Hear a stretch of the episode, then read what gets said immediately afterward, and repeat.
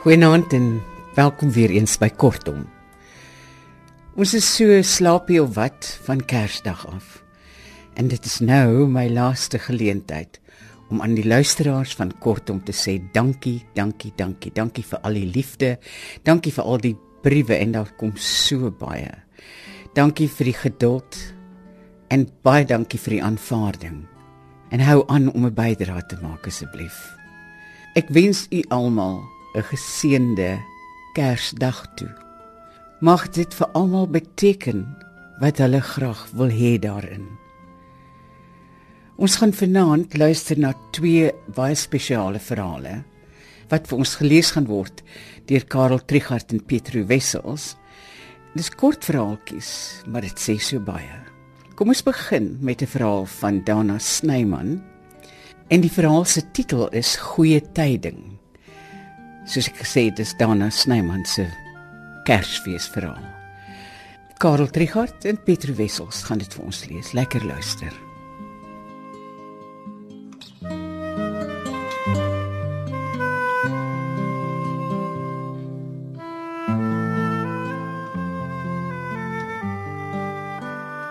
Hier oor Kersfees dink ek soms weer aan kleintjie. Kleintjie kreer. Ek wonder wat van haar geword het. Kleintjie. Wat by een ou Kersaand met haar gedaan dat sintjie naby Winburg aan sy N5 opgelaai het. Ek was op pad suidkus toe. Na oupa Swanele toe waar die familie vir Kersfees sou saamtrek. Dit was die tyd toe ek nog gery loop het. Suidkus toe en Kaap toe, oral waar ek wou wees. Die datsientjie daai ou Kersaand langs die N5 eers stadig by my verbygery, toe stil gehou en teruggestoot. Dit was al na 9. Nie die een agterlig het gebrand en onder die buffer het die uitlaatpyp teen die bakwerk gekap, kap kap kap. Ek het my rugsak van die gruis langs die pad opgetel en nader gedraf. Eers toe ek langs die motor staan, kon ek sien dis 'n vrou agter die stuurwiel en in die flou skynsel van die paneelbordliggies kon ek sien dat sy groot is werklik groot. Haar lyf het ongemaklik voor haar uitgereis. Wil jy saamry? Ek sou pad Durban toe. Ek het daar so 35 jaar uitgeskat of dalk net 'n vernielde 30 sy het swaar oorgeleen. En die linker deur vir my oopgesluit. Op die agtersitplek was iets wat soos 'n reuse teddybeer gelyk het. Toegedraai in geskenkpapier, amper soos 'n passasier het dit daar gesit. Ek het my rugsak langs dit ingeskuif en voor langs die vrou ingeklim. "Hi. Ek's kleintjie. Kleintjie kreer." Omar het die walms van lyfpoeier gehang. Ek het teruggelê op die sitplek en gekyk hoe die datsientjie die donker stadig voor ons wegstoot. By ons voete het musiek by 'n luidsprekertjie uitgekraak. Ou Kersaan musiek op 'n streekstasie. Ebba, Nana Muskuri, Bouni M en Guy Korsen se weergawe van Stille Nag wat kleintjie saam geneer het. Verby Senekal, verby Bethlehem. Op een van die groot dorpe het kleintjie by 'n kafee stil gehou. Haar beurs het die paneelkussie gehaal en oopgevou. In die flap was 'n fotootjie van 'n effens maarder weergawe van haar met 'n baba seentjie op haar skoot. Sy het my 'n 10 rand noot gegee en gevra of ek vir haar 'n slep chocolates in die kafee sal gaan koop, rum en raisin. Kleintjie daai slab rum en raisin voor Kestel opgeëet. Verby Geluksburg, verby Harry Smith. Erns aan die ander kant van Renenspas het kleintjie by 'n afrit na 'n dorp langs die N5 stil gehou. Ek weet nie of jy hier wil afklim nie.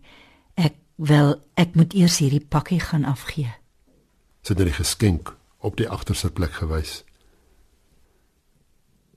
Ek het op my horlosie gekyk. amper middernag, amper Kersfees. Die kans dat ek nou 'n ander geleentheid sou kry, was gering. Is alright, ek eh, ek ry eerder saam. In die dorp se hoofstraat was nie 'n siel nie. Die kafee was reeds toe, die volstasie ook. Hoog bo kan die straat, reg oor die verligte klipkerk, het 'n banier gehang. We wish you a merry Xmas. Kleintjie het links gedraai, toe weer links. Toe in een van die systrate het sy in die donker parkeer oorkant 'n groot huis met 'n hoë muur.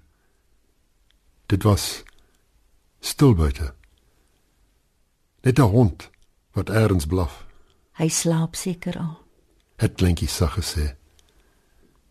Ek het geweet sy praat van die kind op die foto na haar beursie. Maar uh, ek het dan nie uitgevra nie. Ou Kersaand, dis nie 'n aand vir vra vra nie. Ons het 'n lang ruk net so stil in die donker datsentjie gesit. Voor 'n kleintjie kreur my gevra het of ek nie Asseblief die geskenk op die agtersitplek op die groot huis oor kan die straat se stoep wil gaan neersit nie. sy het oor my geleun en iets uit die paneelkussie gehaal. Dit moes 'n sakdoekie of 'n tissue gewees het. Maar ek kon vaagweg sien hoe sy daarmee oor haar wange vee. Ek kon hoor hoe kleintjie kreur langs my in die donker huil. Met die geskenk in my arms het ek oor die straat gestap. Die hekkie voor die groot huis was oop. In die voorste vertrek het 'n lig gebrand, maar die gordyn was dig toegetrek. Net die rooi, geel en groen liggies van 'n kersboom wat dof deur die toe gordyne skyn. Ek het die geskenk op die stoep voor die voordeur neergesit. Terug in die dadsentjie. Wou kleintjie daar by my weet wat ek gesien het. Oh, baie, ek ek ek, ek het baie gesien. Vertel. Vertel, vertel, vertel. Daar daar was daar was 'n seentjie. Ek kon hom deur die oop venster sien. Hy het op 'n mat gesit. Hy hy met 'n baie mooi ma. He. Want dit was die mooiste seentjie wat ek nog gesien het. Vertel, Het kleintjie my aangemoedig. vertel nog. Dit was al na middernag. Ek het teruggesak in die sitplek. Diep asemhaal. En probeer dink aan nog goeie tyding om vir kleintjie kreur te bring.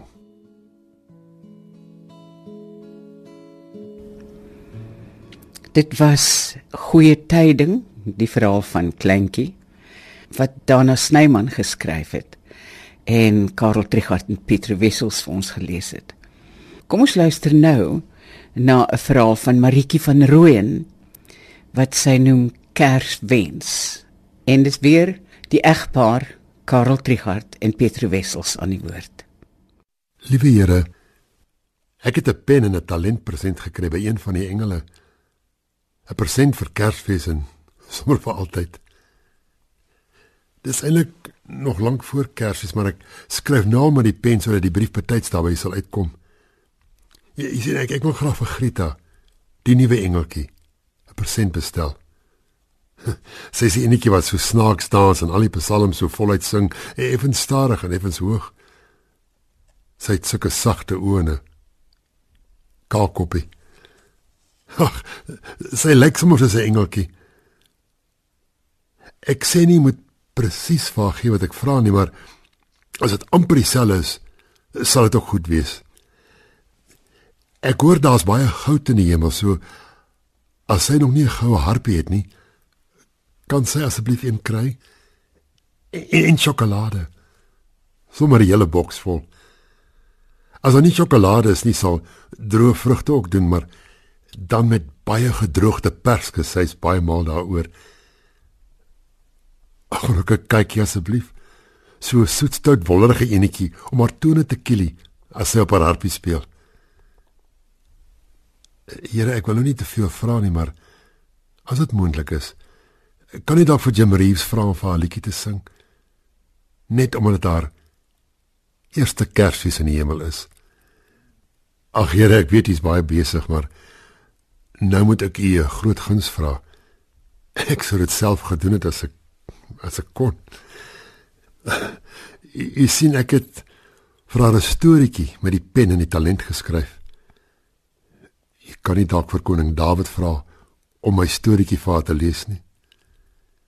My storieetjie is die belangrikste deel van die persent.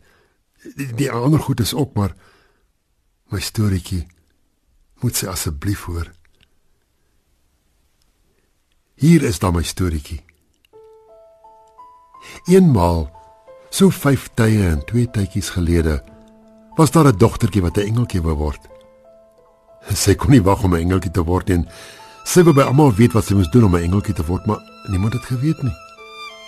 Dan jok hulle maar en sê: "O, oh, as jy 'n pompoen opeet, dan word jy enige engeltjie." Of uh, as jou kamer netjies is, dan verander jy sommer eendag in 'n engeltjie. Die dogtertjie het dit alles gedoen, maar steeds het sy nie in 'n engeltjie verander nie. So loop sy toe eendag 'n baie ou bedelaar met 'n eislike lang wit baard raak. Sy vra hom toe wat sy moet doen om 'n engeltjie te word. Nadat hy rukkie gedink het, sê hy: "Voordat jy nie op hierdie aarde 'n lewe gered het of lewe geskenk het nie, kan jy nie vra om as 'n engeltjie te leef nie." En toe, na 3 tye en 5 tydjies, begin sy in 'n hospitaal werk en daar red sy sommer baie lewens. Almal was lief vir haar en en, en sy het lewe geskenk. Sy het 4 kinders gehad en vreeslik hard gewerk vir hulle, maar steeds het sy nie in 'n engeltjie verander nie. Toe skielik op 'n dag word sy siek. En na een tyd en 4 tydjies verander sy in 'n engeltjie. Die dag toe hulle haar begrawe, sien haar kinders 'n ou bedelaar een kan staan. Hy kom nader en vra: "Is dit julle ma wat so graag 'n engeltjie wou word?" Hulle sê toe: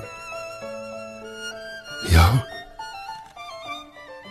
Die ou bedelaar dink so rukkie in.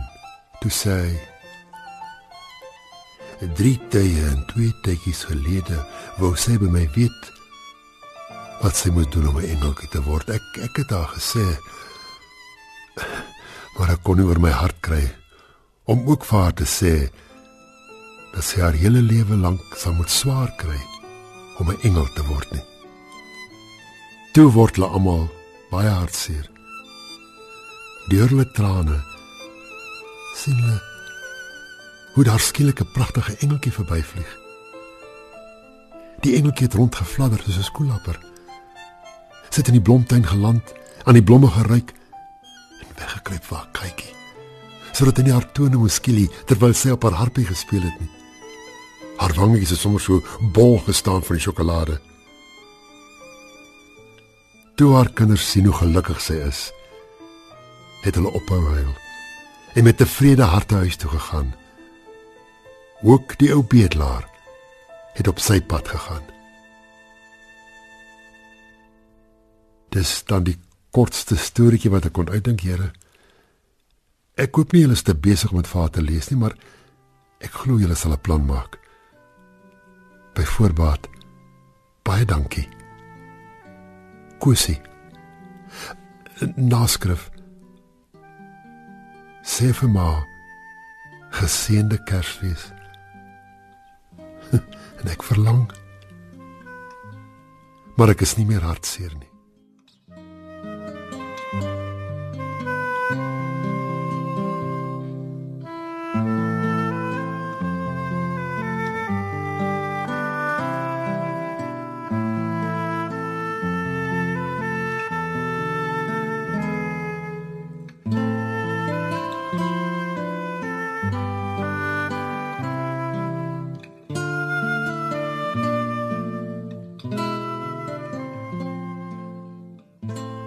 Dit was Maritjie van Rooyen se verhaal Kerswens vir ons gelees deur Karel Trigard. Van my, Margot Luit, alles van die aller aller allerbeste. Tot volgende keer. Mag dit met ons almal goed gaan. Totsiens. thank you